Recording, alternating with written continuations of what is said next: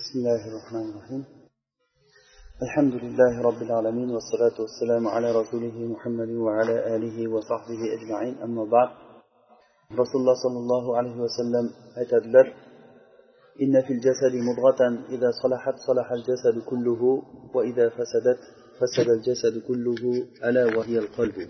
insonni jasadida bir parcha et bor agar u isloh bo'lsa badanni hamma agar u buziladigan bo'lsa badanni hamma joyi buziladi u ham bo'lsa qalb dedilar. Odamni odam qilib turadigan odamni yaxshi qiladigan ham qalbi bo'lsa yomon qiladigan ham qalbi bo'ladi. Insonni boshqarib turadigan asosiy narsa mana rasulullohni shahodatlari bilan bu qalb ekan. Shu rasulullohni hadislaridan kelib chiqib biz qalb haqida suhbatlashishlikni davom etyapmiz. Alloh taolo o'zi muvaffaqlardan qilsin hammamizni eshitganlarimizga aytganlarimizga amal qilishlikni alloh taolo nasib qilsin. Odam borki o'zi yaxshi yashashlikni xohlaydi. Har bir inson hayotida barakalik yaxshi e, to'lin to'kis bo'lib turib hech nimadan kam bo'lmasdan yashashlikni xohlaydi. Bu insonni fitratidagi alloh subhanava taolo yaratgan narsa bu. Hech bir odam yo'qki illo o'sha odam yaxshi yashashlikni xohlaydi. alloh subhanahu va taolo bizlarga yaxshi yashashlikni o'rgatdi va yerni yaratgan paytda yerda butun barakalarni yaratdi alloh taolo yerni va yerdagi ozuqalarni to'rt kunda yaratdi va u yerga baraka berdi deyapti alloh taolo وبارك فيها وقدر فيها أقواتها في أربعة أيام سواء للسائلين alloh taolo yerga baraka berdi Yer o'zini barakotlarini chiqardi. Mana shu bilan yerda hayot boshlandi. Keyin odamlarni gunohlari tufayli odamlarni fasodlari tufayli yerda baraka kamayib ketaverdi. Butun yaxshiliklar hammasi yo'qolib ketaverdi. Yil o'tgan sayin vaqtga qarab odamlardagi yaxshiliklar yerdagi yaxshiliklar kamayib kelaverdi bu alloh taoloni sunnati bir qoidasi bo'ldiki qachoniki bir odamlar yaxshi bo'lsa o'sha paytda yer o'zini barakasini chiqardi. Qachon yomon bo'lsa baraka orqaga qarab ketaverdi. Buni tarixda o'qib biz ko'raveramiz. Baraka eng yaxshi holatga chiqqan payti rasululloh sollallohu alayhi vasallamning davrlari edi. Odamlar baxtli hayotda yashadilar. Hech bir kishidan odamdan qo'rqmasdan hattoki shu darajagacha borib qoldiki mo'minlar bir biriga meni molimni shunday ikkiga bo'laman xohlagan tomoningni sen tanlab olasan. Deb o'zini topgan molini ikkiga bo'lib o'zini mo'min birodariga muhojir birodariga berib yuboradigan darajagacha chiqildi. Va mana bunday holatdan alloh taolo ularga evaz qilib xotirjamlik hayotini berdi. Ibodatlar necha barobar ziyoda bo'ladigan eng katta barakasi ular rasululloh bilan yashashligi bo'ldi ularni. Va mana shu bilan odamlar hayot ketaverdi ketaverdi buzilib ketaverdi. Hozirgi paytgacha keldik mana. Hammamiz shikoyat qilayotganimiz mana shu barakani ko'tarilib ketganligi vaqtdan baraka ko'tarilganligini shikoyat qilamiz. Bir kun o'tib ketadi hech narsa qilinmaymiz. Umrlardan baraka ketib qoldi. Bir necha yashagan odamlarni ko'rasiz oltmishga kirgan yetmishga kirgan odamlarni ko'rasiz. Hayotda hech bir narsaga ulgurmagan. Na bir ta'lim olgan u odam. Na bir ibodat qilib ulgurgan. Alloh taolo keyinini xayrli qilsin hammamizga o'tgan narsa o'tib ketdi nima bo'lsa ham. Lekin bundan buyog'iga shu hozirdan boshlab ko'zimizni ochib ozroq harakatni samarali bo'lishligini eshiklarini biz istashligimiz kerak.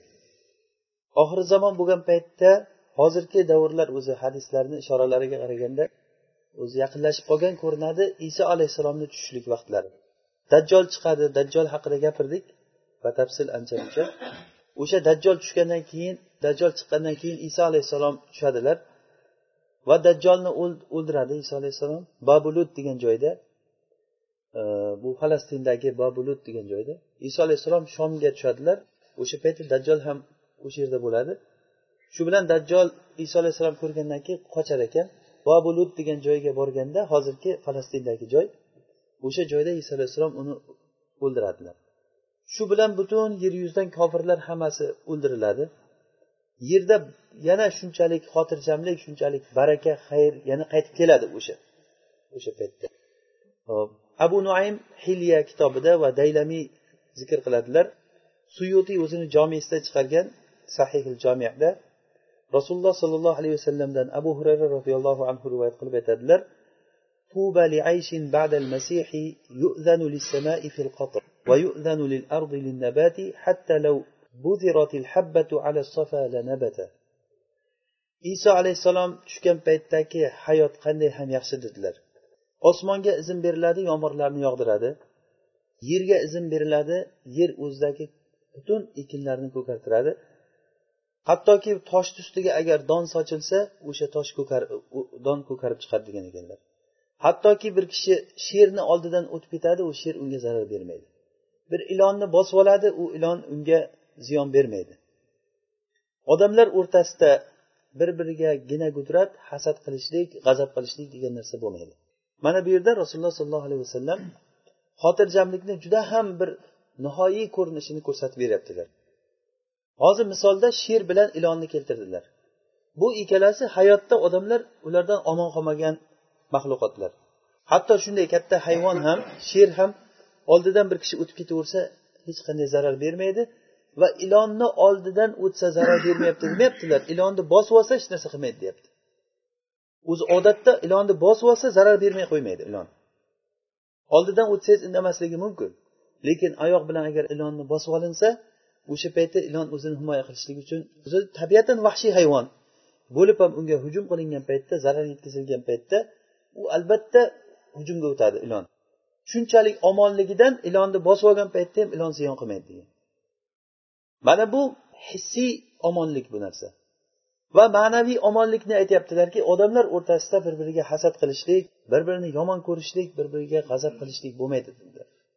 Bu ham hissiy e, xotirjamlikni e, ko'rsatib beryaptilar rasululloh sollallohu alayhi vasallam sifatlab beryaptilar va ham ma'naviy xotirjamlikni yaxshilikni sifatlab beryaptilar. Imomul munobiy rahimaulloh aytadilarki bu hadisdan maqsad odamlarni qanchalik fasodi ko'paysa shunchalik yomg'ir va o'simliklar man qilinishligi. Yomg'ir yog'may qolaveradi o'simliklar ko'karmay qolaveradi. Hattoki sepgan donini ololmaydi dehqonlar. Buni sababi o'sha gunohlarimiz sababli bo'ladi. Shuning uchun ham biz o'tgan majlislarimizda aytdikki olim kishiga dengizdagi baliqlar ham istig'for aytadi nimagaki u olimni foydasi shu dengizdagi baliqlargacha va inidagi chumolilargacha uni manfaati yetib boradi. Al jazau min jinsil amal deb yaxshilik qilinganga ular ham yaxshilik bilan javob beradi dedik. Hattoki odamlarni agar amallari poklanib yana yaxshilikka qarab qaytsalar alloh taolo o'zini yaxshiligini qaytaradi. Hattoki baraka shu darajagacha bo'ladiki bitta anorga katta bir jamoat to'yadi bitta anorni po'stlog'idan bir jamoat soyalanib o'tiradi. Bitta uzumdan chiqqan bir vash hosili bitta tuyaga yuk bo'ladi. Va bitta qo'yni sog'ilsa bir ahli baytga yetadi. Agar tuya sog'ilsa bir jamoatga agar bir sigirni bir marta sog'ib olinsa o'shani suti katta bir e, mahallaga qavm qarindoshlarga yetadi deyilgan mana bu narsa yerning barakasi qaytib kelishligidan. Demak biz uchun eng katta narsa yaxshi yashashlikka harakat qilishlik uchun bu narsa albatta o'zini eshigidan kirishligimiz kerak ekan. Alloh taolo qur'oni karimda bayon qilib aytdiki agarda qishloq ahli iymon keltirib taqvo qilganlarida edi biz ularga osmonu yerdan barakalarni ochib qo'ygan bo'lardik. Bu yerda ko'p takror aytdik barakalar deb jam bilan aytyapti. Bitta baraka emas barakalarni ochib yuborardik degan. Agar barakalar osmondan ochilsa yerdan ochilsa insonlar butun tagidan ham ustidan ham tagidan ham barakani o'rtasida qoladi. Buni birdan bir kaliti nima ekan? Iymon va taqvo ekan. Insonni eng katta amali qalbi bilan bo'ladigan amal bo'ladi. Biz mana shu uchun bu suratni bu yerga e, chizib qo'ydik. Bu inson qalbini biz tushunishligimiz. Bu narsa albatta shu dalillardan o'qib o'rganib qaralinganda tasavvur qilishlikni yaqinlashtirishlik uchun mana shu holatga kelinadi. Inson qulog'i va ko'zi bilan ko'rgan ma'lumotlarni miyasida uni tushunib tadabbur va tafakkur qilib miyasida yaxshilab tushunsa u narsa tushungan narsasi uni qalbiga kelib tushadi fuat deb ataladigan joyga ilm bo'lib tushadi. Mana shu qalbiga tushgan ilm u ma'rifat bo'ladi. Insonda ma'rifat hosil bo'lgandan keyin u ma'rifatdan albatta nima? Amal chiqadi. Bu amalni birinchisi allohga iymon keltirishlik bo'ladi. Eng katta amal eng katta qalb amallarini sharti shu. Ollohga bo'lgan iymon bo'lmasa u qalb forig' qalb bo'ladi bo'sh qalb bo'ladi. Vahshiylarga uya bo'lgan em bo'lgan uyga o'xshaydi u qalb. Agar allohga bo'lgan iymon bo'lmasa ollohga bo'lgan iymon bo'lgandan keyin u qalb yorishadi. U yorishgan qalbdan boshqa qalb amallari mana e, allohga tavakkal qilishlik ollohga umid qilishlik ollohdan qo'rqishlik ollohni yaxshi ko'rishlik rasulullohni yaxshi ko'rishlik ollohni yaxshi ko'rganlarni yaxshi ko'rishlik. Mana bu narsalar hammasi o'sha qalb amallaridan bo'ladi. Bu qalb amallari mana bu ilmdan qalbdagi ilmdan hosil bo'ladi. Qalbdagi ilmga shayton shubhalarini tashlash bilan hujum qiladi. Qalbdagi amal joyiga esa hujum qayerdan bo'ladi. Shahvatu nafsdan odamni shahvatlari o'sha amal joyiga hujum bo'ladi. Ikkita hujum insonni hayotida to'xtamasdan bu jangga uchrab turadi. Shubhatu shayton ya'ni shayton o'zini vasvasalarini soladi va shahvatu nafs odamni qalbiga doim kelib turadi. Mana shu qalbni amallaridan keyin tashqaridagi amallar kelib chiqadi. Birinchi o'rinda inson qalbidagi qalbidagi amal boshlanadi. Biz mana shu uchun ham o'sha qalb amallari haqida suhbat qilyapmiz. Bu narsada qancha ko'p gapirsak qancha ko'p takrorlasak shunchalik yanayam oldingiga qaraganda tushuncha ko'payib boraveradi. Men o'ylaymanki oldingi birinchi suhbatlarimizdan ko'ra hozir bizda katta bir tasavvur paydo bo'lyapti. Qalb tushunchasi haqida. Hop. Qalbni amali eng katta amal bo'lganligi uchun barakani ham eng kattasi shu qalb amallariga bog'langan bo'ladi. Albatta ko'chadan bir ozorni olib qo'ysangiz ham shu sizga qanchalik darajada baraka bo'ladi? Ko'chadagi ozorni bir olib qo'yishlik bu qalb amali emas bu. Ko'chadagi ozorni olib qo'yishlik kerak bo'lsa oyog'ingiz bilan bir tepa o'tib ketishingiz mumkin. Yo'lda odamlarga ozor berayotgan narsani oyog'ingiz bilan bir turtib yuborsangiz chekkaga o'tib qoladi. Tamom odamlar undan zarar ko'rmaydi. Bu ham sadaqa bo'ladi. Bu ham sizga qanchalik darajada baraka xayr keltiradi bu narsa. Va undan ham kattasi undan ham kattasi qalb bilan bo'layotgan narsa bo'ladi. Mana shu e, nimadan kelib chiqib biz e, o'tgan majlisimizda nabiy sollallohu alayhi vasallamni yaxshi ko'rishlik orqali baraka kelishligi haqida gapirdik. Va alloh taolo bergan narsaga rozi bo'lishlik haqida gapirdik. Keyin hop saxovati nafs haqida gapirdik. Ya'ni saxovat haqida gapirdik. Ya'ni baxillik bilan bir narsani olmaslik haqida gapirdik. Va rozi bo'lishlik haqida gapirdik. To'rtta narsa gapir birinchi rasululloh sollallohu alayhi vasallamni muhabbati keyin rozi bo'lishlik. Keyin nima? Molni saxovat bilan olishlik ishrofi nafs bilan olmaslik. Bugungi e, aytadiganimiz sidiq haqida. Sidiq ya'ni rost gapirib mana shu rost gapirishlik sizni hayotingizda qanchalik darajada o'zgarish bo'lishligi to'g'risida ozroq bir suhbat qilamiz. Alloh taolo bizni hammamizni foydalantirsin. O'zi rost gapiradiganlardan qilsin. Rost gapirishlik o'zi sidiq o'zi nima degani? Bu haqda hali inshaalloh darsimiz davomida tushunib boramiz. Sohihaynda e, hakim ibn hizam roziyallohu anhuni hadisida ya'ni buxoriy va muslim rahimaulloh rivoyat qiladilar. hakim ibn hizamdan rasululloh sollallohu alayhi vasallam aytdilar al bayyani bil xiyar ma lam yatafarraqa yoki bo'lmasa boshqa rivoyatda hatta yatafarraqa فإن صدقا وبينا بورك لهما في بيعهما وإن كذبا وكتما محقت بركة بيعهما oldi savdo savdo qiluvchi odamlar sotuvchi va oluvchi ikkalasi ham bir biridan to ajralib ketguncha ikkovsi ixtiyorda bo'ladi. Xohlasangiz siz narsangizni sotasiz xohlamasangiz sotmaysiz. Men ham xohlasam unisidan sotib olaman xohlamasam sotib olmayman. Ikkovimiz ham ixtiyordamiz endi shu bay bo'lgandan keyin ikkovimiz ajralib ketsak ikkiga qarab men siz narsangizni sotib oldim pulni berdim. Siz narsani oldingiz. Ikkovimiz ajralib ketdikmi tamom ixtiyor ketdi. Endi men qaytib borib ber narsamni deyishga haqqim yo'q. Siz qaytib kelib turib ber pulimni bo'ldi men olmas ekanman o'ylab ko'rsam. Deyishlikka haqqingiz yo'q ikkovi ikkiga qarab ajralgandan keyin tamom ish tugaydi degani. Hozir rasululloh aytyaptilarki agarda shu ikkalasi savdo paytida narsani ayblarini bayon qilsa va bayon aytib to'g'ri gapirsa va bayyana to'g'ri gapirib bayon qilsa ularni bayiga alloh taolo baraka beradi. Agarda ular ayblarini yashirsa va yolg'on gapirsa ularni baylarini barakasi o'chiriladi. Bu ma'lum bir arzimagan bir dirhamlar arzimagan bir chaqa tangalar foyda keltirayotgan bir narsadagi bir narsa bu. Bay bu. Bu baydan bir narsa sotaman kerak bo'lsa arzimagan mana shu narsani sotishim mumkin. Shunda ham men yolg'on gaplar bilan sotishligim mumkin yoki rostini aytib sotishligim mumkin. Buni hatto mana shu narsada ham baraka bo'ladi deyapti rasululloh sollallohu alayhi vasallam.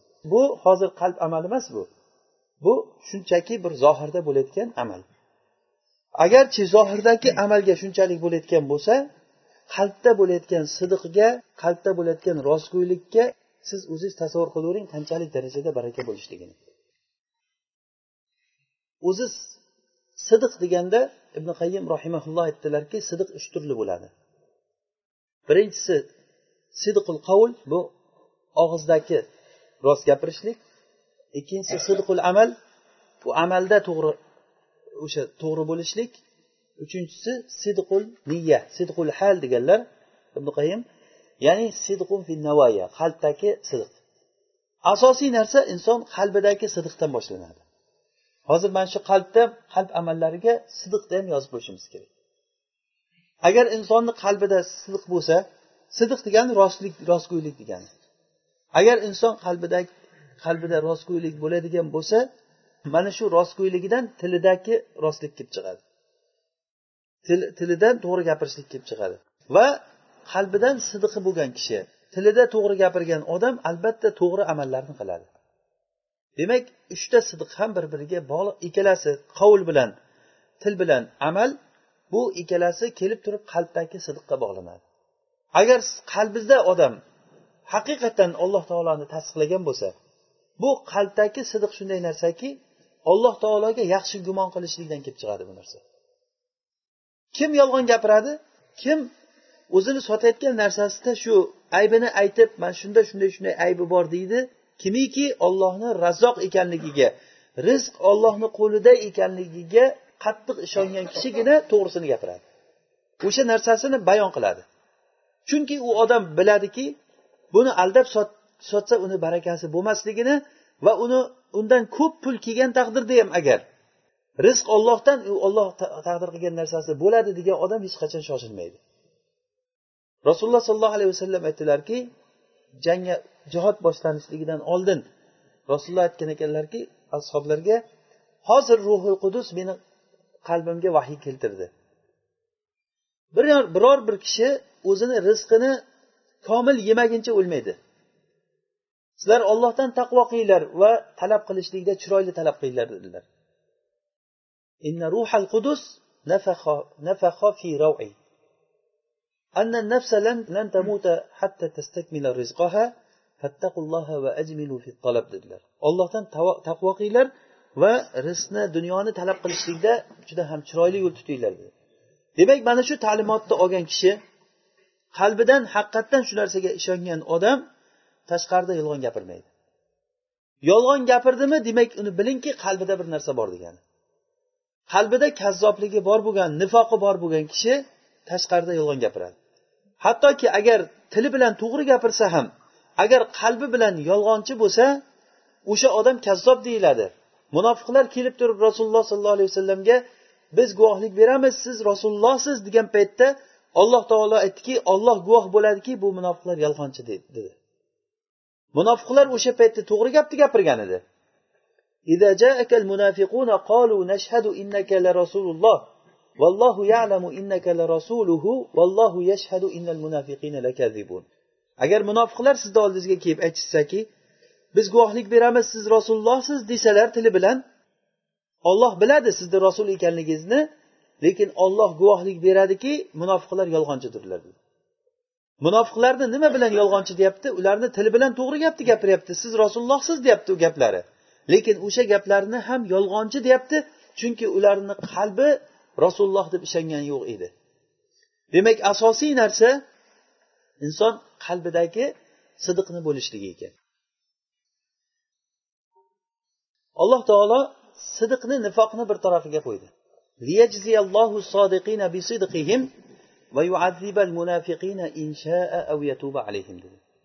Alloh taolo rost gapirgan kishilarni rostliklari bilan ularga mukofot berishligi uchun va munofiqlarniga jazo berishligi uchun dedi.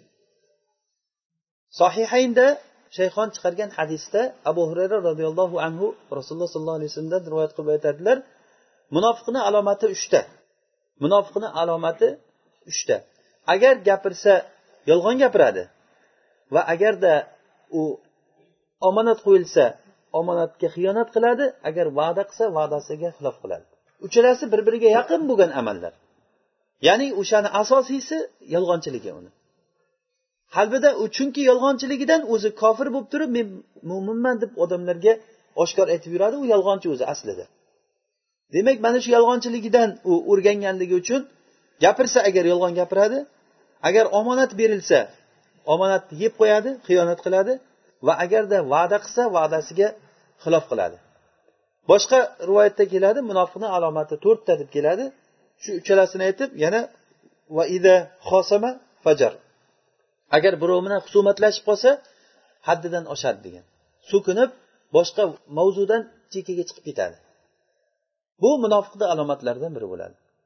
Demak munofiqlikni bir pallaga qo'yyapti alloh taolo va sidiqni bir pallaga qo'yyapti qo'yyapti bu degani munofiq odam hech qachon sodiq bo'lmaydi degani. Va buni aksi haqiqiy rost gapirgan odam munofiq bo'lmaydi. Gunohlarni eng kattasi eng boshlanishligi o'sha qalbdagi kasallikki bu yolg'onchilikdan boshlanadi. Odamni qalbida yolg'onchilikka bo'lgan bir joy bor kasallik bor. Bu kishi yolg'on gapiradi ertaga yana yolg'on gapiradi ertaga yana yolg'on gapirib sekin sekin yolg'on yolg'on gapirib gapirib ollohni huzurida kazzob deb yozib qo'yiladi va buni aksi o'laroq va innal abda la yasduq va yataharra sidqa hatta yuktaba indallohi siddiqa. Va bir banda rost gapiradi rostlikni qasd qilaveradi hattoki ollohni huzurida bu siddiq deb yozib qo'yiladi. Demak bu bir ertaminanda turib bir uxlab turib kishi rostgo'y bo'lib qolmaydi va bir uxlab turib kazzob bo'lib ham qolmaydi. Bu narsa riyozat bilan qalbni amalini kuchaytirishlik bilan bo'ladi. Har bir narsada rost gapirish rost gapiraversa rost gapiraversa sekin sekin sekinlik bilan. Hattoki e, rasululloh sollallohu alayhi vasallam bir ayol o'g'lini chaqirayotganligini ko'rdilar. Haligi ayol qo'lida man bir narsa beraman degan. Keyin haligi bola kelgan paytda rasululloh aytdilarki rostdan ham bormi qo'lingda yo yolg'ondan chaqirding? dedilar. Xurmo bor qo'limda deganda agar shuni bermaganingda yolg'onchi bo'larding deganlar hattoki farzandiga. Mana muhaddislardan keladi buxoriy rohimaullohni manaqiblarida bir kishidan hadis eshitaman deb borgan paytlarida hadis eshitaman deb borgan paytlarida u haligi otini chaqiraman deb turib etagini ko'tarib xuddi arpa borday qilib ko'rsatyapti ekan. Haligi otni. Arpa bo'lmagan unda. Otni yolg'ondan aldab chaqirgan. Shunda buxoriy rahimaulloh qarasalar haqiqatda arpa yo'q yolg'on yolg'ondan chaqiryapti shu o'sha joyda tashlab qaytib ketgan. Hadis eshitmagan odam bu hayvonniki aldayaptimi? Bu odamni tabiatida yolg'onchilik bor ekan degan. Demak odam bir butun narsa o'zi. Xuddiki bir mexanizmga o'xshaydi odam. Buni asosiy boshqarayotgan narsa mana shu qalbi bo'ladi. Agar qalbida kazzoblik bormi bu odam albatta yolg'on gapirmay qo'ymaydi. Kimnidir aldaydi baribir. Aldaydi bir bir aldaydi ikki aldaydi. Odam mana shu yolg'onchilik bilan o'sib katta bo'ladi. Hattoki yosh bolalar yolg'onchilik bilan o'sib katta bo'lgandan keyin katta bo'lgandan keyin katta bir kazzobga aylanadi. Buni yolg'onchilikni ota onasini o'zi o'rgatadi unga. Uyda o'tirgan joyda birov chaqirib kelsa yo'q devor deydi. U chiqadidan keyin dadam yo'q uyda deydi. Kim aytdi? desa dadam aytdi deydi. Keyin ikkinchi safarga puxta bo'ladi keyin. U gap eshitadi nimaga sen rostini aytib qo'yding deb. Yana urishadi kerak bo'lsa uni. Keyin ikkinchi safariga kim aytdi desa aytmayman deydi. Yoki ikkinchi marta yolg'on gapiradi keyin. Birinchi dadam yo'q deb yolg'on gapiradi. Keyin kim aytdi desa yana boshqa yolg'onni gapiradi. Bu hali to'rt besh yoshlik bola. Sekin sekinlik bilan demak bu yolg'on gapirsa ishi yurishar ekan deb o'ylaydi bu. Mana shu bilan yolg'on gapirib yolg'on gapirib yolg'on gapirib katta bir kazzob bo'lib qolishlik hech gap emas. Keyin u odam shikoyat qiladi odamlar bolasi to'rt so'm pul topib kelganiga xursand bo'ladi. O'sha pulni topishlik uchun qancha odamni aldab kelgan bo'ladi? O'sha mansabga ko'tarilguncha qancha odamlarni qon qaqshatib yolg'onchi bo'lgan bo'ladi bu. Lekin bu xursandki bolam mana pul topib keladigan bo'ldi deb.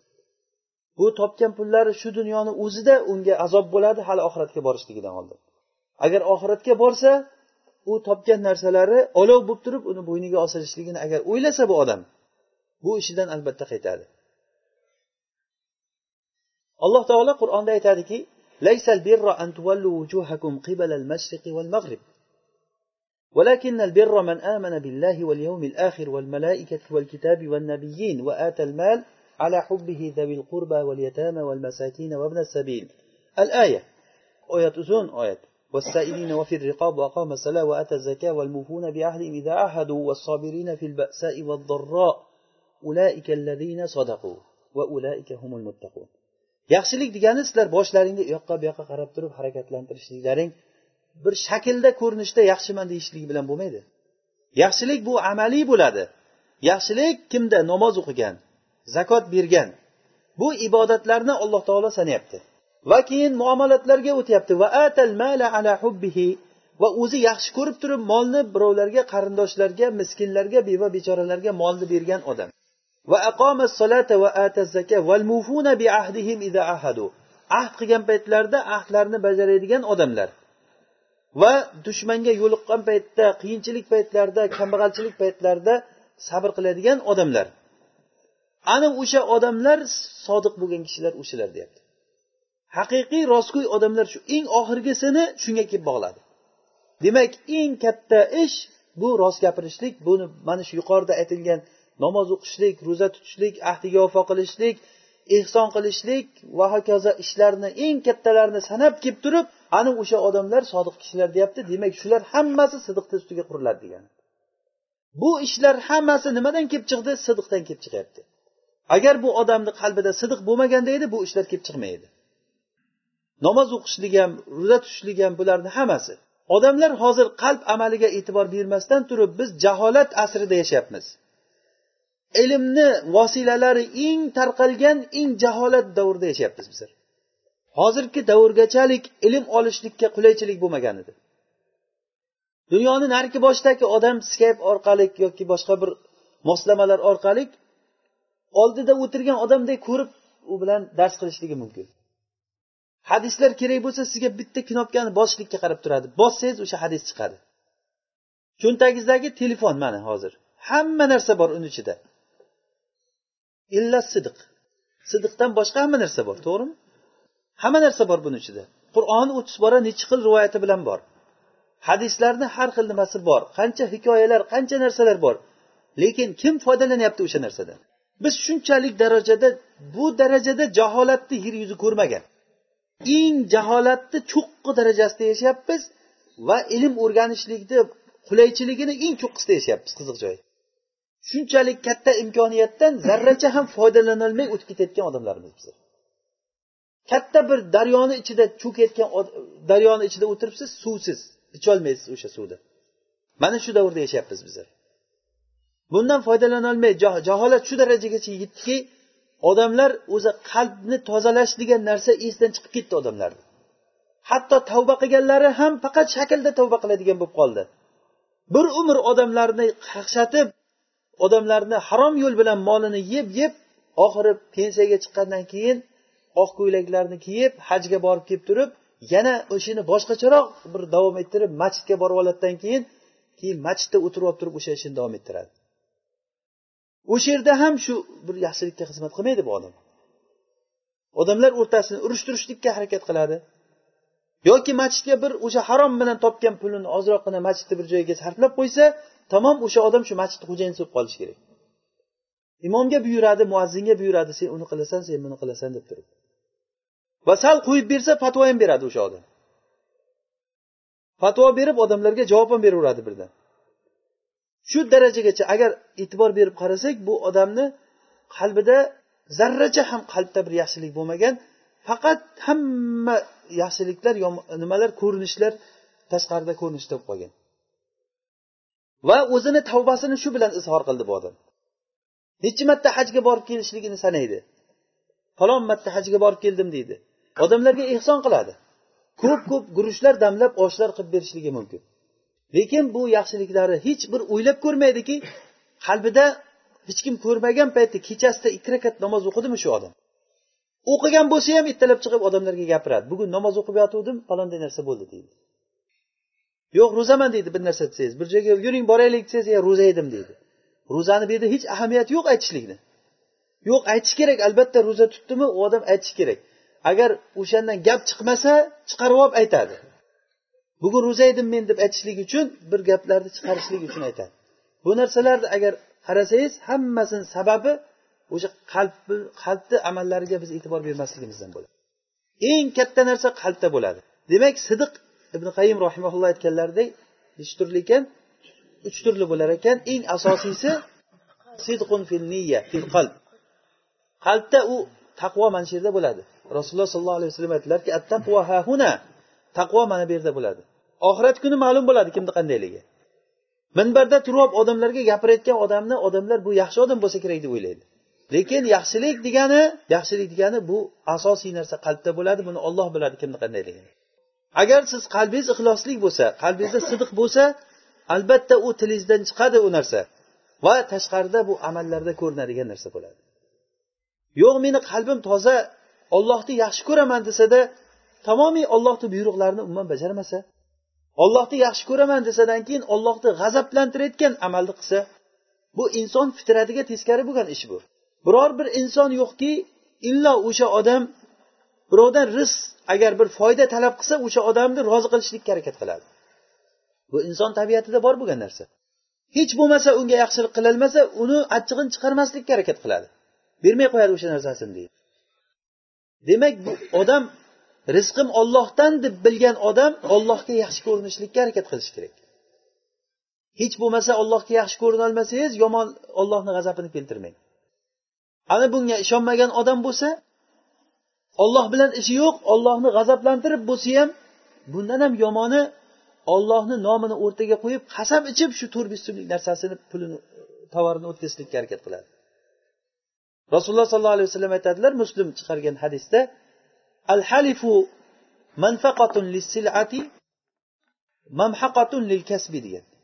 Boshqa rivoyatda mamhaqatun lil barakati degan. Ya'ni qasam ichishlik bu narsani tovarni sotishlikka sabab bo'ladi va barakani o'chishligiga sabab bo'ladi yoki kasbni o'chishligiga sabab bo'ladi.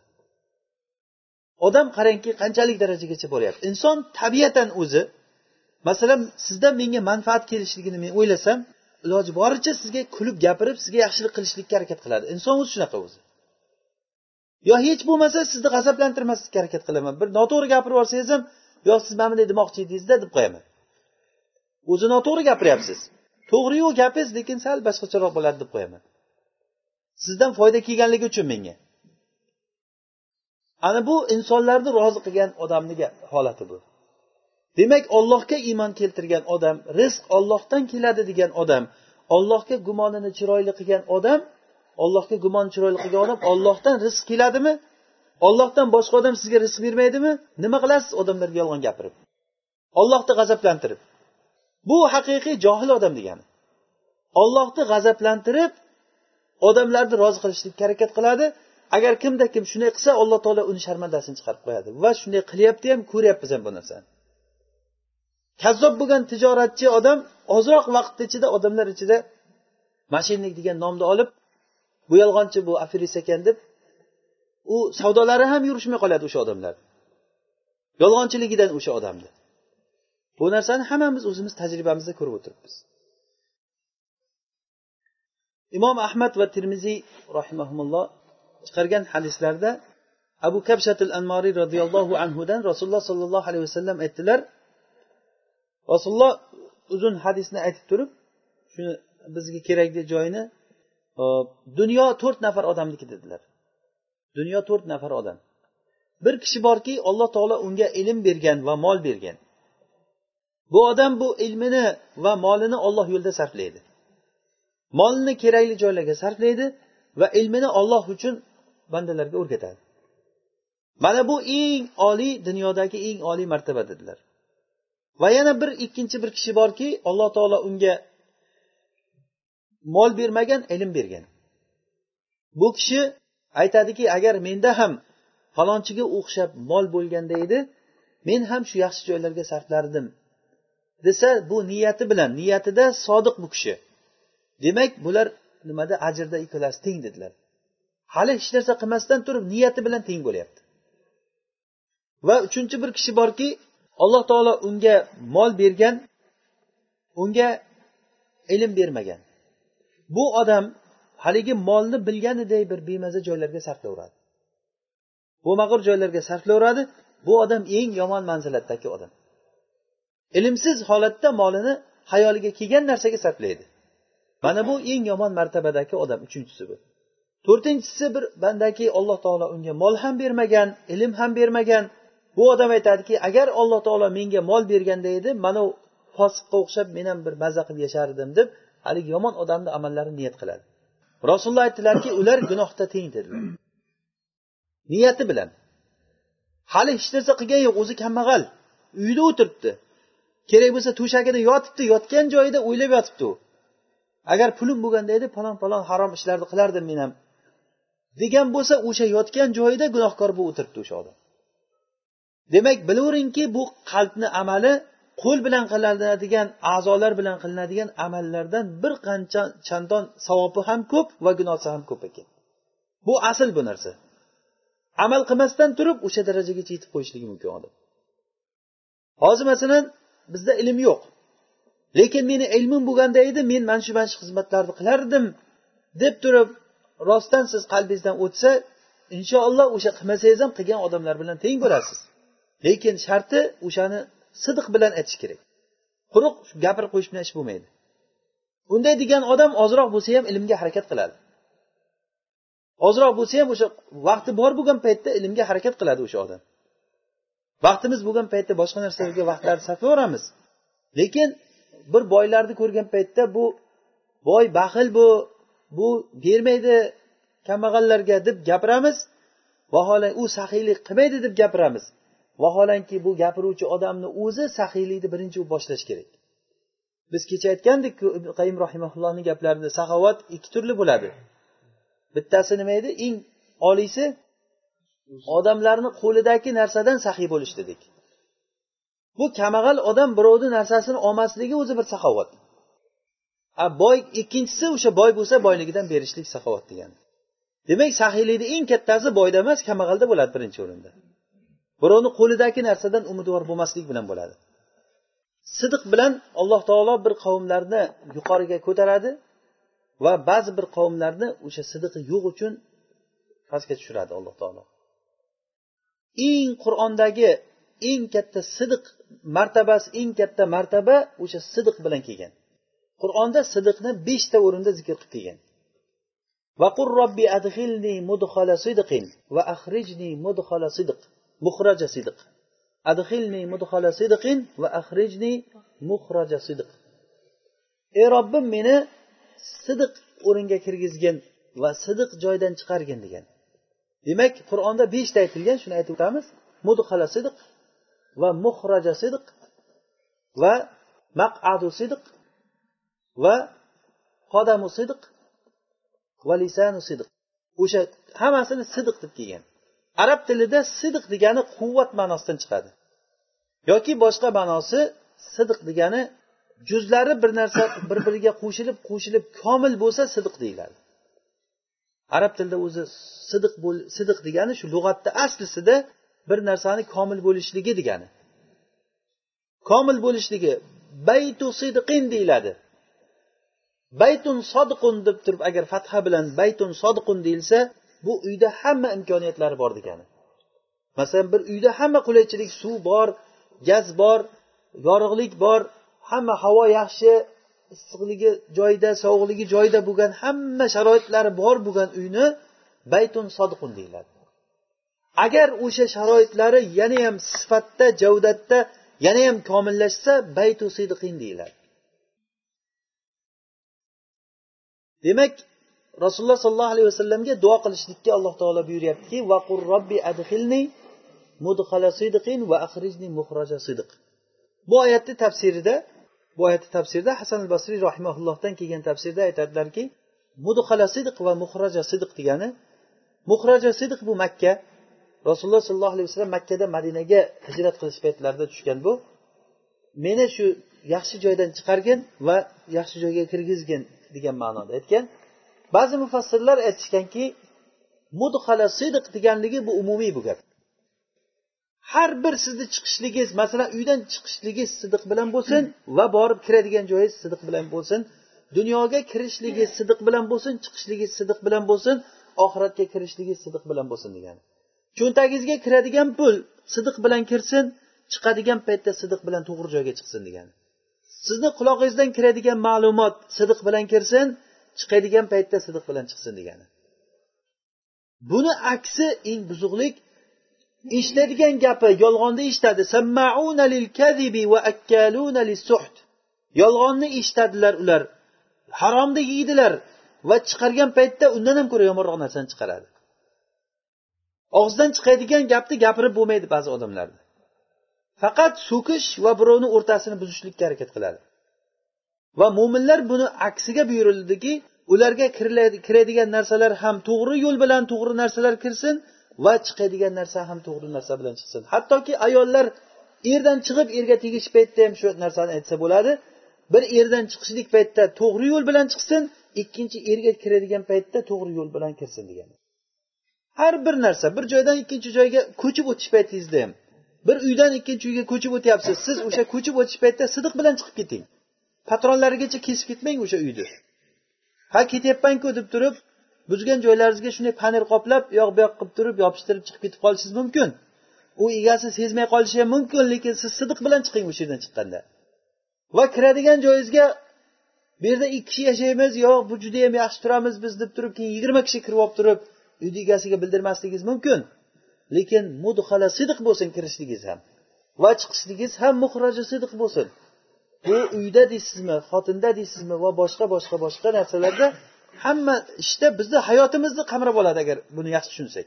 Bizni hayotimiz o'sha mudhali sidiq va muhraja sidiq bo'ladi. Hayotimiz boshlanishidan oxirigacha mana shu narsa bilan bo'ladi. O'zi insonda hayoti yo bir narsa keladi va ketadi. Hayot shu narsa o'zi. Sizga bir xabar keladi va sizdan bir xabar chiqadi. O'sha xabar kelish paytida sidiq bilan kelsin va xabar chiqish paytida sidiq bilan chiqsin sizdan degani. Sizga keladigan pullar to'g'ri yo'l bilan kelsin va sizdan chiqishda to'g'ri yo'lga qarab chiqsin degani bu. Va qadamu sidqin inda robbihim deb keladi. Robbilarini huzurida qadami sidiq bor. Qadami sidiq degani bu sizdan oldin amallarni borib turishligi. Demak mudhala sidiq va muhraja sidiq bu bizni butkul hayotimiz bo'layotgan bo'lsa qadamu sidiqin bu oxiratda olib borib qo'ygan amallaringiz bo'ladi. Va lisanu sidiqin bu odamlarni sizga bo'ladigan maqtovlari bo'ladi. Mana bu ham insonga katta berilgan mukofot bu. Ibrohim alayhissalom shu duo bilan duo qildilar.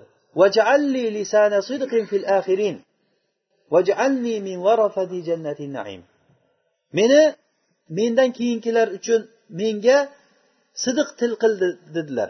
Ya'ni sidiq til degani meni hamma odam yaxshilik bilan eslasin dedilar va alloh taolo mana shu duosini ijobat qildi. Biror bir ummat yo'qki illo ibrohim alayhissalomni yaxshilik bilan eslaydi hatto yahudiylar ham nasorolar ham har bir millat rasulullohni e, nimani ibrohim alayhissalomni yaxshilik bilan eslaydi sidiq bu xuddi lug'atda aytganimizdek quvvat bo'lgani kabi sidiq odamlarni umuman ustun bo'layotgan narsa bo'ladi. To'g'ri gapirgan odam albatta ustun bo'ladi agar dushmanlarni ustidan bo'lsa ham. O'sha beshinchisi beshinchisi nima? Sidiqni beshinchisi. Mudhala sidiq va muhraja sidiq qadamu sidiq va lisanu sidiq va maqadu sidiqin inda malikin muqtadir. Alloh taoloni huzuridagi eng sidiq makon bo'ladi bu jannatdagi eng oliy o'rin bo'ladi. Demak bizni hayotimiz sidiq bilan boshlansin sidiq bilan tugasin ana o'sha undan nariyog'ini olloh beradi sizga. Qodami sidiqni va lisani sidiqni fil axirinni va maqadu sidiqni inshaalloh alloh taolo beradi. Mana shu bir kelgan sidiq bizni hayotimiz mana shu narsadan iborat bo'lishga harakat qilish kerak. Bu narsa inshaalloh albatta allohni ne'mati bu narsa. Lekin biz harakat qilishligimiz mumkin bu narsaga. Ollohdan so'raylikki alloh taolo o'zi sodiqlardan qilsin. O'zi nasib qilsin. Alloh taolo nasib qilmasa bu narsa qiyin narsa. Ollohdan qattiq so'rash kerak. Arzimagan narsalarda ham yolg'on gapirib yolg'on gapirib yolg'on gapirib kazzobga aylanib qoldik hammamiz. Alloh taolo kechirsin mana shu narsalar agar kechsak biz qalbimizdagi o'sha kazzoblikni ketkizsak agar inshaalloh bu inson qoviy bo'ladi biz aytganimizdek lug'atda sidiq degani komil bo'lishlik va quvvat ma'nosidan chiqqan. Feruzabodiy rahimaulloh aytadilar maqoisul lug'ada sidqun kalimasini aslisi assodu val vaddal val qof bu uchta harf. Sodaqo degani bu asluhu minal quvva deydi. Va shidda. Sidiq bu shiddatdan quvvatdan chiqqan arab tilida. Shuning uchun ham qayerda sidiq ishlatilsa bilaveringki u quvvat ma'nosida keladi. Sodiq bo'lgan kishi albatta u o'sha gapi quvvatli bo'ladi. Sodiq bilan kozib bir biriga shuning uchun ham yolg'on gapirgan odam ko'zi o'ynoqlab turadi. Hattoki kofirlar ham o'shani yolg'onchi ekanligini bilib turadi. Yolg'onchiligi o'zi odamni shaklidan turishidan bilinadi. Bir kishi hikoya qilib beryapti bir kelib qoldi endi hikoyat. Bir kishi bittasini judayam yomon ko'rar ekan. O'shani judayam badnom bo'lib yomon otliq bo'lishligini xohlar ekan. U imtihonlarda juda ham yaxshi topshiradigan butun yaxshi solih kishi bo'lgan talaba bolalardan. Keyin imtihon kuni imtihon ketayotgan paytda moshinaga ozroq nasha tiqib yuborgan ekan boyagi. Yomon ko'rgan kishi buni badnom qilishlik uchun. Nasha tiqib turib keyin milisaga telefon qilgan ekanki falon raqamli moshinada nasha olib ketyapti ushlanglar deb turib. Telefon qilgan. Bu ollohni qadari bilan u moshinasini baloni teshilib yo'lda to'xtab balonni almashtiraman deb ochsa o'sha nima zapasni zapaskasi yonida e, nima turibdi nasha. Oq nimaga o'ralgan turib keyin olibdidan keyin o'sha yerda qumlik joyga otib yuboribdi yo'lda. Otib yuborganda balonni tuzatib ketishdi yo'lda melisa ushlagan butun titib hamma joyini tityapti ekan ko'pchilik keyin bu hayron bo'lib qarab turgan keyin nimani tityapsizlar degandan keyin ular milisa ishing bo'lmasin degan. Sizlar e, menga birov ayblagan shekilli bir narsani bir oq narsani izlayapsizlarmi deganda ha degan. Men uni otib yubordim yo'lda degan. Moshinamda turgan ekan kimdir solib qo'ygan uni otib yubordim men degan. Uni shu o'zini tutishlaridan shaklidan militsiyalar bilganki bunda ayb yo'qligini. Borib qarasa o'sha qumlik joyda o'sha nasha bo'lgan haligi telefon qilgan bolani o'zini ushlab olib kelib nima qilsa bo'yniga olgan bu odamni o'zi haligi shakllarda o'zini tutishligida bu narsalar bilinadi. Sidiq bu quvvatdan chiqqan hatto kofir bo'lgan odamlar ham. Mana e, abu abu sufyan heraql abu sufyanni chaqirib turib rasululloh heraqlga xat yozgan islomga kelgan hudaybiya sulhidan keyin rasululloh butun dunyoni podsholariga xat yozdilar. Hammamiz bilamiz tarixda. O'shanda hiroqilga rumni kattasi u rum imperatori katta imperatura bo'lgan ular. Butun dunyoni odamlari ularga bo'ysungan odamlar bo'lgan. Shunda bunga xat kelgandan keyin bu kim ekan bu odam degan. Bu arabistondan bo'layotgan bo'lsa qaranglarchi bozorga kelgan bironta arab bo'lsa ushlab kelinglar so'raymiz degan. Shunda abu sufyon tijorat bilan romga borgan bo'lgan. Bozorda tijorat qilib yurgan joyda hamma arablarni ushlab ketgan ular. Olib borib qaysar o'sha nimani qaysar heraqlni oldiga olib borgan. Keyin heraql aytganki bu sizlardan chiqqan odamni taniysizlarmi degan ha degan. Eng nasabi yaqin odam kim sizlardan deganda abu sufyon menman degan. Chunki abu sufyon rasulullohni amakivachchalaridan bo'ladi. Bo'lmasa demak sendan so'rayman ekan. Sen bu yerda turgin degan. Qolgan odamlarni orqaga qo'yib qo'ygan. Agar men bundan bir narsalarni so'rayman agar yolg'on gapirsa sizlar orqada turib aytinglarki bu yolg'on gapiryapti deyglar degan. Keyin bir boshdan savolni boshlagan. Bu qissamiz uzun bo'lib ketadi buni aytsak. O'shanda aytgan gapki hech bu odam yolg'on gapirganmi deb so'raydi rasulullohni. Yolg'on gapirganmi deganda yo'q uni biror marta yolg'onda biz sinab ko'rmaganmiz deydi. Abu sufyon dushman bo'lib turib kofir bo'lib turib o'sha paytda shu to'g'risini gapiradi shu yerda. Mana bu sidiq quvvat ma'nosida ekanligini bitta katta dalili haqiqatda to'g'ri gapirgan odamga olloh subhanava taolo shunday yaratgan ekanki haqni botilni ustidan tushadigan qilib yaratgan ekan. Sidiq bu haqdan kizib bu botildan bu narsa.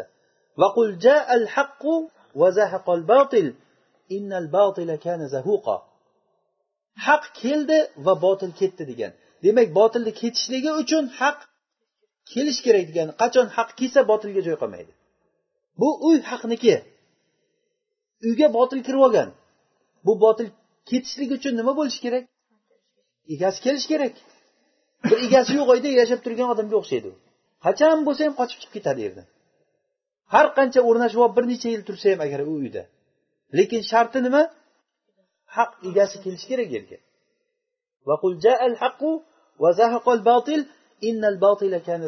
Botilni odati ketib qolishlik o'zi. Yoki boshqa oyatda aytadi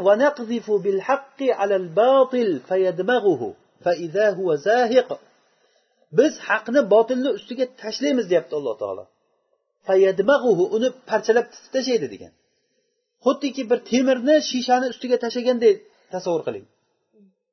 Haq bir katta bir temirday narsa bo'lsa botil bir sinadigan shishaday narsa shunday ustiga tushgan paytda nima bo'ladi?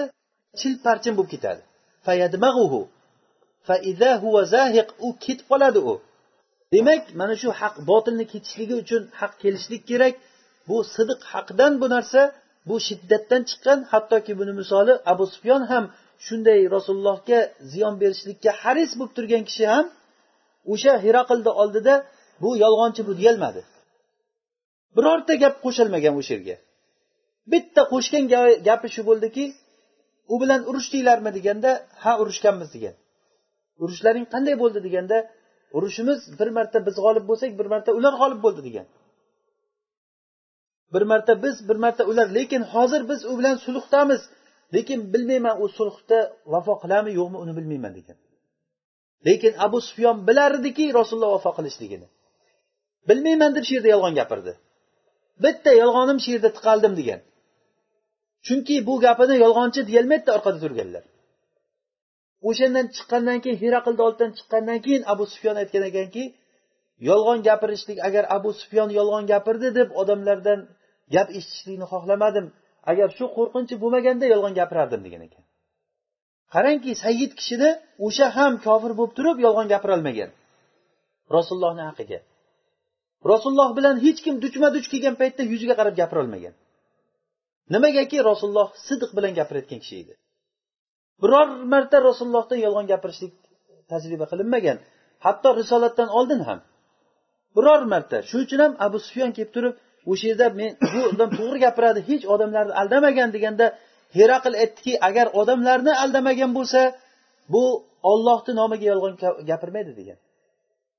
Odamlarniki aldamadimi? Demak olloh menga vahiy yubordi deb aldaydimi bu odam? Odamlarni haqida yolg'on gapirmagan odam ollohni haqiga hech qachon yolg'on gapirmaydi. U haqiqatdan payg'ambar ekan degan. Agar sen aytgan gaplaring haq bo'lsa meni mana shu oyog'im tagini ham u egallaydi degan. Aytganday bo'ldi ham. Butun rum hammasi forslar bo'ysunib jizyasini rasululloh e, nima bizni ummatga olib kelib beradigan bo'ldi. Bu rasululloh sollallohu alayhi vasallamni haqliklaridan bo'ldi. Rasulullohga vahiy kelgan paytda birinchi bo'lib qilgan ishlari va anzir ashiratakal aqrobin oyati nozil bo'ldi. Ya'ni odamlarni ogohlantiring deganda rasululloh sollallohu alayhi vasallam safo tog'ini ustiga chiqib ey bani fehr ya bani fulan ya bani fulan deb qurayshni urug'larini hammasini chaqirgan. Birorta odam qolmadi hammasi rasulullohni da'vatiga javob berib yetib keldi. Hatto kelolmagan odamlar elchi yuborgan. Borib ko'rib kelchi nima bo'lyapti ekan deb. Shunda hamma yig'ilgandan keyin sizlar menga ishonasizlarmi bir gap aytsam dedilar. Ha nimaga ishonmaymiz? Senga biror marta yolg'onni biz tajriba qilmadik. Nima desang ishonamiz degan. Agar mana shu tog'ni orqasida katta askar qo'shin sizlarga bostirib kelyapti desam ishonasizlarmi gapimga? Nimaga ishonmaymiz? Sen sodiq amin odamsanku degan. Bo'lmasa men sizlarga olloh tarafidan payg'ambar bo'ldim.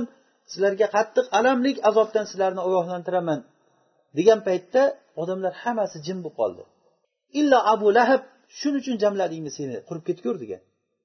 Bu ham bu gapirgan gapi yolg'on ekanligi abu lahabni o'zi nohaq ekanligini o'zi ham bilardi atrofdagilar ham bilardi bu narsa. Shuning uchun ham rasulullohni kechqurunlari qur'on o'qigan paytlarida rasulullohni uyini atrofida yurib quraysh kattalari qur'on eshitib yurardi. Hatto bir biri bilan uchrashib ham qolardi qur'on eshitishlikda. Yoki qur'on tugagandan keyin ketishligida uyga ketish paytida bir birini yo'lda uchratib qolardi. Qayerdan kelyapsan? Desa men bir joydan kelyapman. Senchi desa men boshqa yoqqa boruvdim. To'g'risini ayt qur'onga boruvdingmi? Eshitgan desa ha deydi. Endi bunday qilmaylik. Chunki biz bu yerda qur'on eshitib yurayotgan bo'lsak boshqa oddiy odamlar ko'rib palonchilar qur'on eshityapti ekan deb makkada qur'on tarqalib ketib qoladi. O'sha uchun biz kelmasligimiz kerak. Bo'pti va'da qildik deb ertasi kuni yana uchrashib qolar ekan o'sha yerda shunchalik darajada bu haq ustun bo'ladi. Har qanday botil odam bo'lsa ham siz agar to'g'risini gapirsa sizni gapingiz ustun bo'ladi. Bu sidiq payg'ambarlarni sunnati bu narsa. Payg'ambarlarni yo'li bu haq bu. Haq hamisha doim ustun bo'ladi botil doim takda bo'ladi. O'z lug'ati bilan chiqib turibdiki sidiq degani nimadan chiqqan dedik? Quvvat va shiddatdan va komillikdan chiqqan. Ya'ni juzlar bir biriga jipslashib komil bo'lishlikdan va quvvatli qattiq bo'lishligidan chiqqan. Demak sidiq degani mana shunday narsa bo'ladi. To'g'ri gapirsangiz albatta sidiq najot toptiruvchi narsa bo'ladi. Mana kab ibn molik roziyallohu anhu bu kishini qissasini o'zi bir majlis o'tirib suhbatlashishimiz kerak. Kab ibn molik hammalaringiz eshitgansizlar buni. Qisqa qilib aytganda shu kab ibn molik tabuk g'azotiga bormaydilar. Nima uchun bormaydi o'zi ham bilmaydi. Hech bir g'azotga u kishi olib qo'ymagan ulovini o'sha g'azotga ikkita ulov olib qo'ygan bo'lgan olib g'azotga boraman deb tayyorlanib turgan joyida olloh nasib qilmagan bormagan. Ha rasululloh chiqaversin men ertaga ulovim zo'r yetib boraman orqasidan degan. Rasululloh chiqib ketgan ketdik deb kab chiqmagan. Ertasi kuni bo'lgandan keyin keyin shayton aytgan ha seni oting zo'r uloving zo'r yetib olasan bir choptirasan orqasidan borasan degan. Ikkinchi kuni ham qolib ketgan. Uchinchi kuni bo'lgandan keyin ha endi shuncha o'tirganingda birida yana borasan degan uchinchi kun ham qolgan to'rtinchi kun shayton aytgan endi qayerqa borasan degan. Ketib bo'ldi ular ketayotgan joyga degan. Qaniydi o'shandan keyin ham chiqsa degan. Chiqsamidim chiqmagan ekan. Rasululloh borgan g'azob tugagan yaxshilik bilan g'animat bilan ular qaytib kelgan.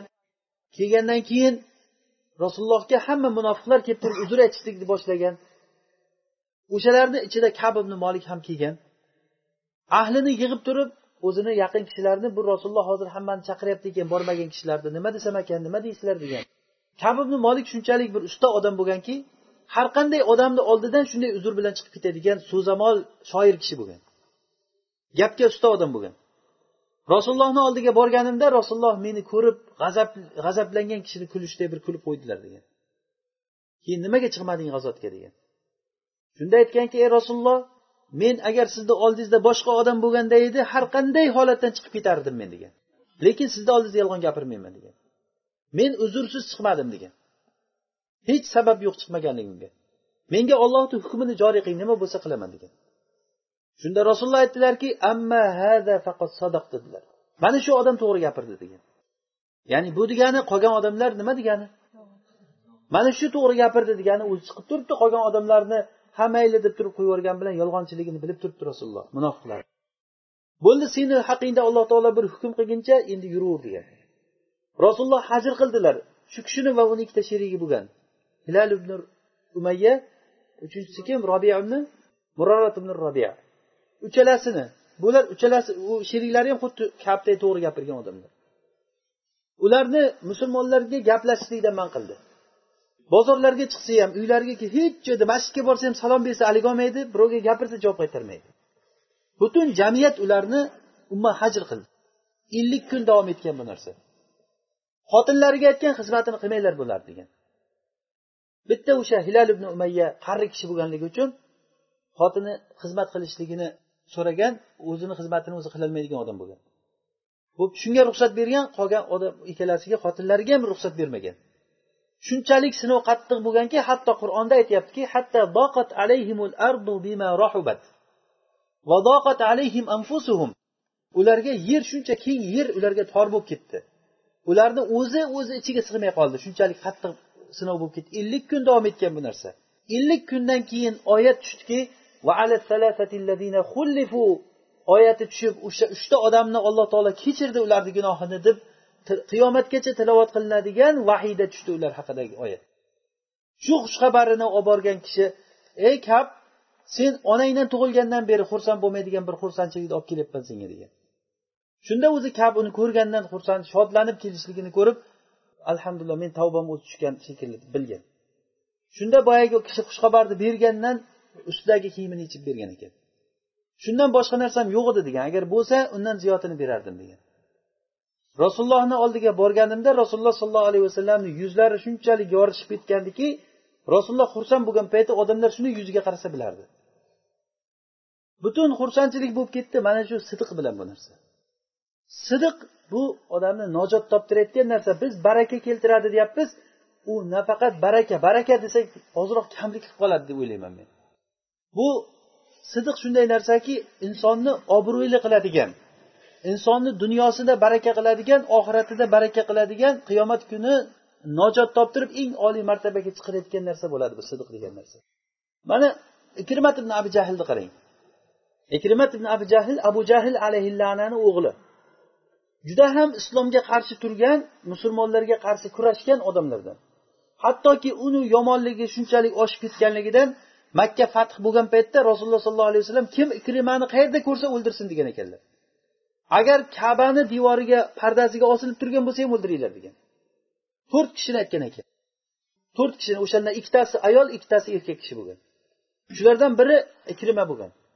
Hattoki pardaga osilib turgan bo'lsa ham o'ldiringlar degan. Nimaga? Buni ziyoni shunchalik katta bo'lganligidan bu. Abu jahlni o'g'li edi. Va abu jahlga o'xshagan juda ham shiddatli bir sarkarda odam bo'lgan. Ana o'shani o'ldiringlar deydi buni eshitgandan keyin rasulullohni bu buyrug'ini eshitgan sahobalar bilasizmi qanchalik darajada haris bo'ladi ularni o'ldirishlikka? Hech qayerga qochib qutulolmaydi u odamlar. Ikrima buni eshitib zudlik bilan qochib chiqqan. Qochib chiqib yamanga ketaman deb turib borib kemaga mingan. Kemaga minib kema suvni ichida ketish paytida kema qattiq iztirobga tushgan. Shunda kemachi aytganki osmondagi ollohdan qattiq so'ranglar degan. Ikrima aytganki bu yerdagilarchi biz sig'inib yurgan olihalarchi ular bu yerda foyda bermaydi degan. Bunaqangi joyda faqat osmondagi olloh foyda beradi desa bu odam aytganki hozir shu yerda suvda foyda bermasa quruqliqda foyda beradimi? degan. Vallohi olloh uchun meni zimmamda va'da degan. Agar man shu joydan salomat chiqsam men borib muhammadni oldiga borib qo'limni uni qo'liga qo'yaman inshaalloh meni kechiradi degan. Mana shu joyda sidiq bilan qattiq va'da bergan allohga. Shu va'dani berishligi bilan kema to'xtagan. Haligi iztirobga ketishligi to'xtagan. Bu kishi quruqliqqa chiqqandan keyin o'sha paytda o'zida bo'layotgan voqeani qarangki bu odam sidiq bilan tavba qilib va'da berib turgan paytda ikrimani xotini ummu hakim rasulullohni oldiga kelib turib ey rasululloh ikrimani kechiring degan. Bo'ldi kechirdim degan rasululloh. O'sha paytda o'zida bo'layotgan narsa u yoqda sidiq bilan tavba qilyapti. Bu yoqda ummu hakim uni xotini kelib turib ikrimani kechiring desa bo'ldi. Kechirdim u omonda kelaversin degan. Kabaga osilib turgan bo'lsa ham o'ldiringlar deyaptida uni keyinidan kechiring desa kechirdim deyapti. Bu narsa agar kimki sidiq bilan bir gapni gapirsa alloh taolo u bilan xalqni o'rtasini isloh qilib qo'yishligiga katta dalil bu narsa. Agar siz sidiq bilan gapiring sizni o'rtangizda alloh taolo o'zi isloh qilib qo'yadi. Odamlarni rozi qilishlik uchun odam munofiqlik qilib o'zini yor birodarlarini birga ovqat yeb yurgan do'stlarini sotadi odamlar. U shunchalik darajada kazzobligi marazlashib ketganki birga ovqat yeydi birga turadi o'sha o'zini birodarlari lekin o'shalarni sotadigan odamlar bor. Nima uchun? Qaysi bir odamlarga yaxshi ko'rishlik uchun? Ana o'sha odamlar xotirjam bo'lsinki alloh taolo uni yerda odamlarga o'z o'zidan g'azabli qilib qo'yadi.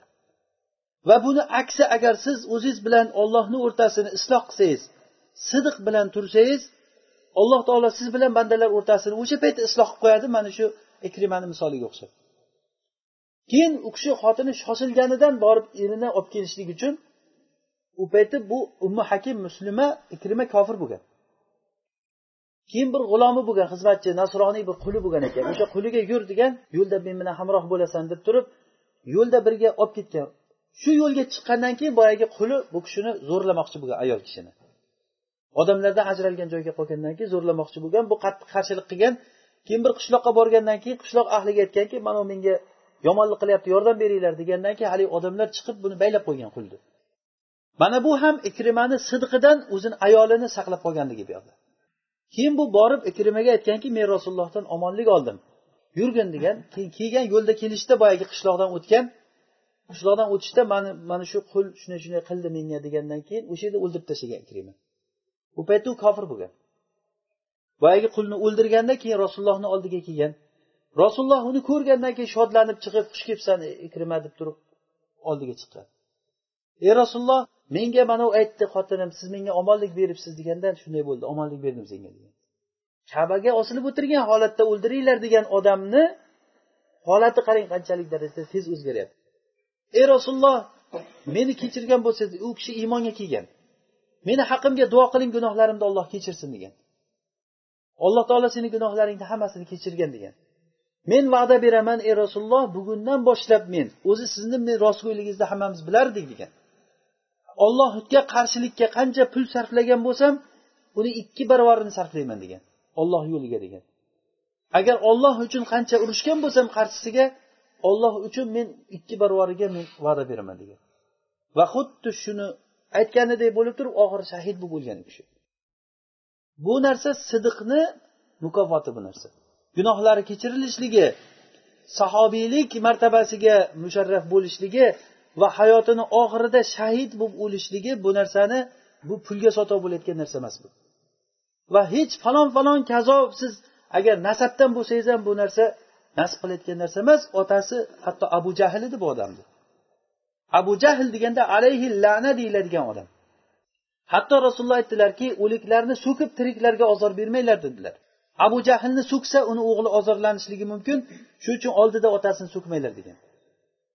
Bu otasini fosiq kofir bo'lganligi o'g'liga ta'sir qilmaydi. Xuddiki ibrohim alayhissalomni otalari ozor kofir edi.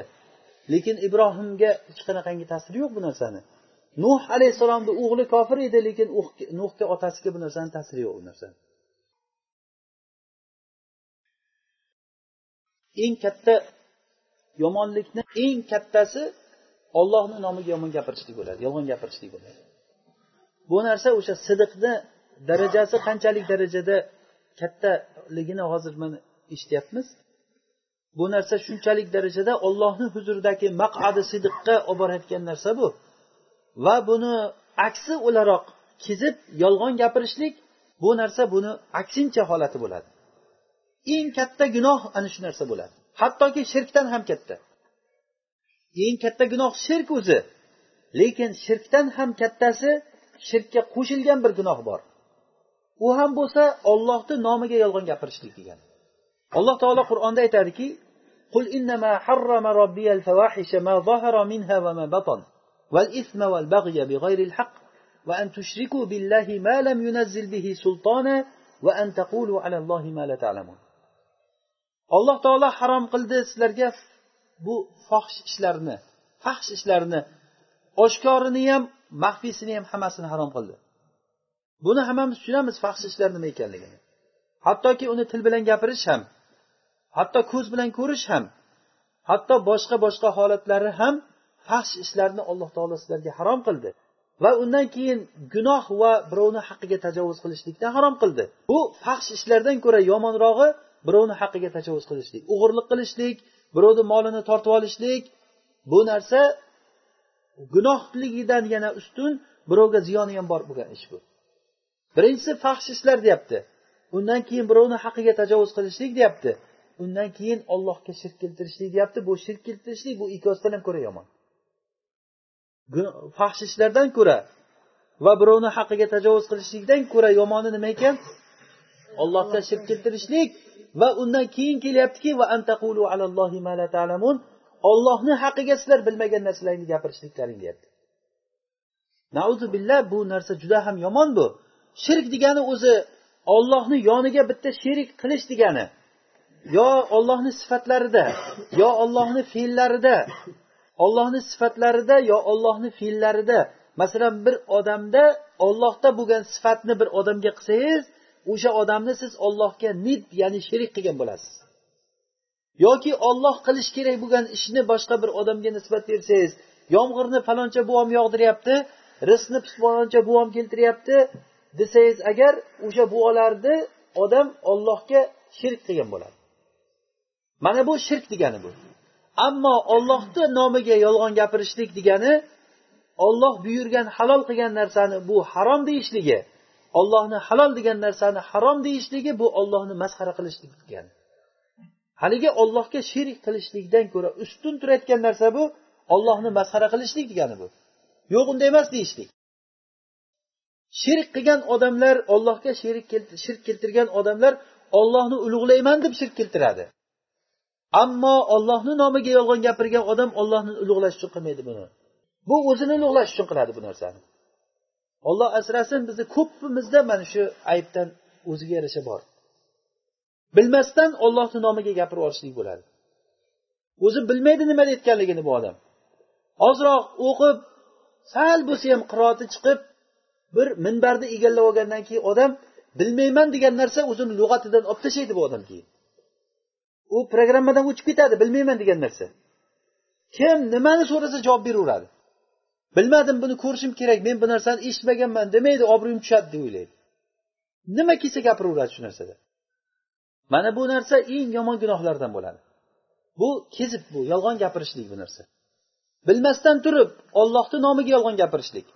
O'ziku bilmay odam yolg'on gapirganda bir e, savdo qilganda bir arzimas bir narsani sotsangiz olsangiz yolg'on gapirsa baraka o'chadi deyapti o'zi.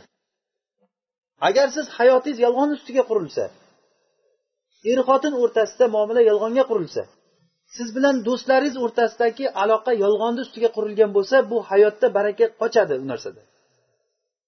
Va bu yolg'oningiz oshib oshib borib endi ollohni nomiga yolg'on gapirishga o'tsangiz rasulullohni nomiga yolg'on gapirishlikka o'tsangiz rasululloh aytmagan gapni aytdi desa rasululloh qilmagan ishni qildi shuni desa bu eng katta akbarul kabair bo'ladi. Rasululloh aytdilarki kim meni nomimga yolg'on gapirsa u joyini do'zaxdan tanlab olsin deganlar. Shuning uchun ham zubayr ibn avom roziyallohu anhu rasulullohdan hadis aytishligi juda yam kam bo'lgan ekan. O'g'li so'ragan paytda siz rasululloh bilan juda uzun vaqt suhbatda yurgansizku ey ota nimaga boshqa mana bu sahobalar aytganday abu hurayra aytganday boshqa anas aytganday siz hadis aytmaysiz? deganda ey o'g'lim men rasulullohdan bir hadis eshitganman o'sha meni man qiladi degan. Rasululloh aytgandilarki kim meni nomimga yolg'on to'qisa joyini do'zaxdan tanlasin degan edi. Men rasulullohga yolg'on to'qib qolishlikdan qo'rqaman degan. O'sha uchun rasululloh bilan qancha uzun vaqt birga yurgan bo'lsa ham bu kishi kam hadis aytgan ekan. Zubayr ibn avom. Rasulullohni havoriysi ya'ni rasulullohni fidoyisi bo'lgan rasulullohni yonidan jilmagan. Xuddiki rasulullohga hozirgi til bilan aytganda telexranitel deydiku. O'shanday rasulullohga himoyachi bo'lib o'zini o'sha fido qilib yurgan odam bo'lgan ham rasulullohni ammasini o'g'li bo'lgan. Rasulullohga o'zi o'zini fido qilgan kishi shunday bo'la turib ham rasulullohdan kam hadis aytgan. Bu degani rasulullohni hamma holatini ko'rgan u kishi. Hamma gap ko'p gaplarni eshitgan. Lekin shunday bo'la turib ham kam hadis aytganligi rasulullohni nomiga yolg'on gapirib qo'ymaydigan. Bir narsani halolni halol degan odam haromni harom degan odam kimni nomidan gapiryapti bu? Ollohni nomidan gapiryapti bu. Mana shu narsa halolmi desangiz ha halol desam bu deganimki olloh aytyapti halol deb deganida mendan nima so'rayapsiz bo'lmasa siz so'raganligingiz mana shu narsada ollohni hukmi nima deb so'ragan bo'lasiz? Men bundagi ollohni hukmi shu halol yoki ollohni hukmi harom deganim olloh nomidan turib shu yerga men imzo qo'ygan bo'laman. Ibn qayim rahimaulloh kitob kitob yozib o'sha kitobini ismini alamul muvaqqiin ar robbil alamin deb ismlagan ya'ni olloh tomonidan qo'l qo'yuvchilar degan.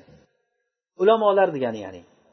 O'sha ulamolar fatvo bergan paytda mana shu narsa mumkin mana mumkin emas mana halol mana harom deb qo'l qo'ygan go'yoki ular olloh tomonidan qo'l qo'yyapti degan. Demak u odam bilsin kim tomonidan turib gapirayotganligini. Bir kishidan bir so'ralib qoldiki nimaga minbarda turganda imom hassa ushlab turadi men o'ylanib qoldim nimaga hassa ushlab turar ekan? Haqiqatdan buni hech e, bir o'ylab ham ko'rmagan ekanmiz bu narsani. Hassa ushlab turishlikni hukmi nima? Rasululloh ushlab turganlarmi hassa? deb so'radi boyagi kishi qovog'ini uyib turib javob beryaptiki tayyor turish kerak urib yuborish kerak dedi. Men hazil hazil qilyapti deb o'ylasam rostdan aytyapti ekan keyin gapini yana tushuntirib ketdi. Oldiga kelgandan dedi solib yuborishga tayyor turish kerak imom dedi. O'sha uchun dedi qo'liga hassa olib gapiradi. kulgulik gapu lekin ahvolimiz mana shunday bo'lib qoldi ollohni nomiga odam bilmasdan bir narsalarni gapirishlik bu juda ham katta gunoh bo'ladi bu nima bo'lganda ham tavba eshigi ochiq inshaalloh o'tgan narsa o'tib ketgan inshaalloh bundan keyin sidiq bo'lishlikni alloh taolodan so'raylik alloh taolo hammamizni to'g'ri gapiruvchilardan qilsin gunohlarimizni kechirsin bir shoir aytar ekan alayka bis sidqi ولو أنه أحرقك الصدق بنار الوعيد agar sidiq seni agar kuydirsa ham sen o'sha sidiq bilan to'g'ri gapirishlikni o'zingga lozim tutgin. Ollohni roziligini istagin va xalqqa e'tibor bermagin sen xalqga. Kimki ollohni nima qilib turib g'azablantirib odamlarni rozi qilsa eng ahmoq odam o'sha ekan. Bu ma'nolarni biz albatta bilib o'tdik. Odamlarni rozi qilaman deb turib ollohni g'azablantirgan odam bu narsa judayam katta bir baxtsizlikka uchragan bo'ladi. O'sha muloana e, nimasida voqeasida o'qidik baligi ayolni qilgan ishini. Hilal ibn umayyani xotini e, bir kishi bir odam bilan zino qilgan. Zino qilgan holatda eri kelib turib ushlab olgan uni. Xotinini zino ustida ushlab rasulullohga aytganki ey rasululloh men xotinimni mana shu holatda ushladim. Nima qilay deganda rasululloh xotiningni olib kelib yoqqa degan. Xotinini olib kelgandan keyin keyin qildingmi? deganda yo'q degan. Zino qilmadim men degan. Keyin la'natlashgan. Bunda nur surasida bu narsa bu haqida oyat nozil bo'ldi. Buni muloana oyati deyiladi. Kitoblarda ma'lum uni shartlari nima ekanligi. Qisqasi aytganda agarda olloh asrasin akramakumulloh. Agarda bir ana shu holat bo'lsa masalan bir kishi o'zini xotinini zinoda ayblab yoki ushlab olsa va uni guvohlari bo'lmasa odatda guvohi bo'lmaydi bunday holatda. Bu odam qozini yoki imomni oldiga kelib turib o'sha paytda rasulullohni oldiga olib kelib turib la'natlashlingan ya'ni er aytadiki to'rt marta men guvohlik beraman xotinim zino qildi. Men guvohlik beraman xotinim zino qildi. Guvohlik beraman xotinim zino qildi deb to'rt marta aytib beshinchisida agar men yolg'on gapirayotgan bo'lsam menga ollohni la'nati bo'lsin deb aytadi. O'shandan keyin xotini agar xotiniga sen shu ishni qildingmi? deydi. Yo'q yo'q bilan bo'lmaydi. Sen ham shu gapni aytasan deydi. Xotini to'rt marta men guvohlik beramanki erim yolg'onchi. Men zino qilganim yo'q. Deb to'rt marta aytib beshinchisida agar men yolg'on gapirib erim rost gapirayotgan bo'lsa menga ollohni la'nati menga ollohni g'azabi bo'lsin deydi. Mana shu bilan u xotinga rajm qilinmaydi toshbo'ron qilinmaydi ikkovsini o'rtasini abadiy ajratib yuboriladi. O'sha ollohni menga g'azabi bo'lsin degan joyi kelgan paytda rasululloh shuni to'xtatgandan keyin boyagi ayolga qarab agar sen gunoh ish qilgan bo'lsang alloh taolo kechiradi tavba qilgin. Lekin bu gapni gapirmagin. Ollohni g'azabi bo'lsin menga demagin bu yomon narsa bu? deb aytganlarida haligi ayol bir to'xtab turgan. Sahobalar qarab turib bo'ldi qaytyapti? deb o'tirgan. Orqaga qaytyapti? deb o'tirganda haligi ayol men qavmimni sharmanda qilmayman. Hozir men zino qildim desa meni orqamdagi qavmim men sababli sharmanda bo'ladi. deb o'zini qavmi uchun o'sha joyda turib berib yo'q erim noto'g'ri gapiryapti bo'lmasa menga ollohni g'azabi deb aytgan. Rasululloh aytdilarki ikkovlaringdan bittalaring olib ketdinglar g'azabni degan. O'ylab ko'ring bu juda ham yomon holat bu. O'sha ayol shu ishni nima uchun qildi? Uni qilgan zinosidan ham ko'ra o'tib tushdi bu qilgan ishi. Nima uchun qildi bu ishni? O'zini qavmini rozi qilishlik uchun ollohni g'azabini keltirdi mayli dedi. Lekin qavmim mendan g'azablanmasin dedi. Rasululloh aytdilar agarda guvohsiz birovni olib kelib had urish mumkin bo'lganda edi shu ayol mendan bir ko'rardi ko'rarkan degan. Ya'ni rasululloh sollallohu alayhi vasallam bilganlar buni zino qilganligini. Chunki tug'ilgan bola aynan o'sha ayblangan e, sharik ibn sahma degan kishi bo'lgan xuddi o'sha odamga o'xshagan bolani tuqqan u ollohni g'azabini menga bo'lsin deb o'sha vaziyatdan chiqib ketyapti. Bu aytishga oson bo'lgan narsa bu narsa lekin biz uchun ham shu holat kelib qolishligi hech gap emas olloh asrasin o'zini yo'lda sobit qilsin. Bir vaqt kelar siz o'sha holatda turib qolarsiz bir holatda. Shunday holat bo'ladiki sizdan olloh rozi bo'ladigan yoki xalq rozi bo'ladigan holatga tushib qolishingiz mumkin. Shu paytda alloh taolo o'zi sobit qadam qilsinki ollohni rozi qiladigan ishni qilishlikni bu hammaga ham nasib qilmaydi bu narsa. Alloh taolo gunohlarimizni kechirsin. Aytgan gaplarimizga eshitganlarimizga amal qilishlikni nasib qilsin hayotimizga alloh taolo o'zi baraka bersin. Mana shu qalb amallaridan tushuntirib o'tyapmiz. Mana beshinchisini o'tib bo'ldik. Bugungisi sidiq. Mana shu sidiqni agar yaxshi turib bersa odam qalbi bilan amali bilan tili bilan sidiqda turib bersa inshaalloh alloh taolo unga baraka eshiklarini ochadi. Boshqa odamlarda baraka bo'lmagan paytda sizda baraka bo'ladi inshaalloh. Bu narsa sidiq bilan bo'ladi bu narsa. Sidiq haqiqatdan o'zi qalbingizdan alloh taolo uchun turib berishligingiz bo'ladi bu narsa سبحانك اللهم وبحمدك نشهد أن لا إله إلا أنت نستغفرك ونتوب إليك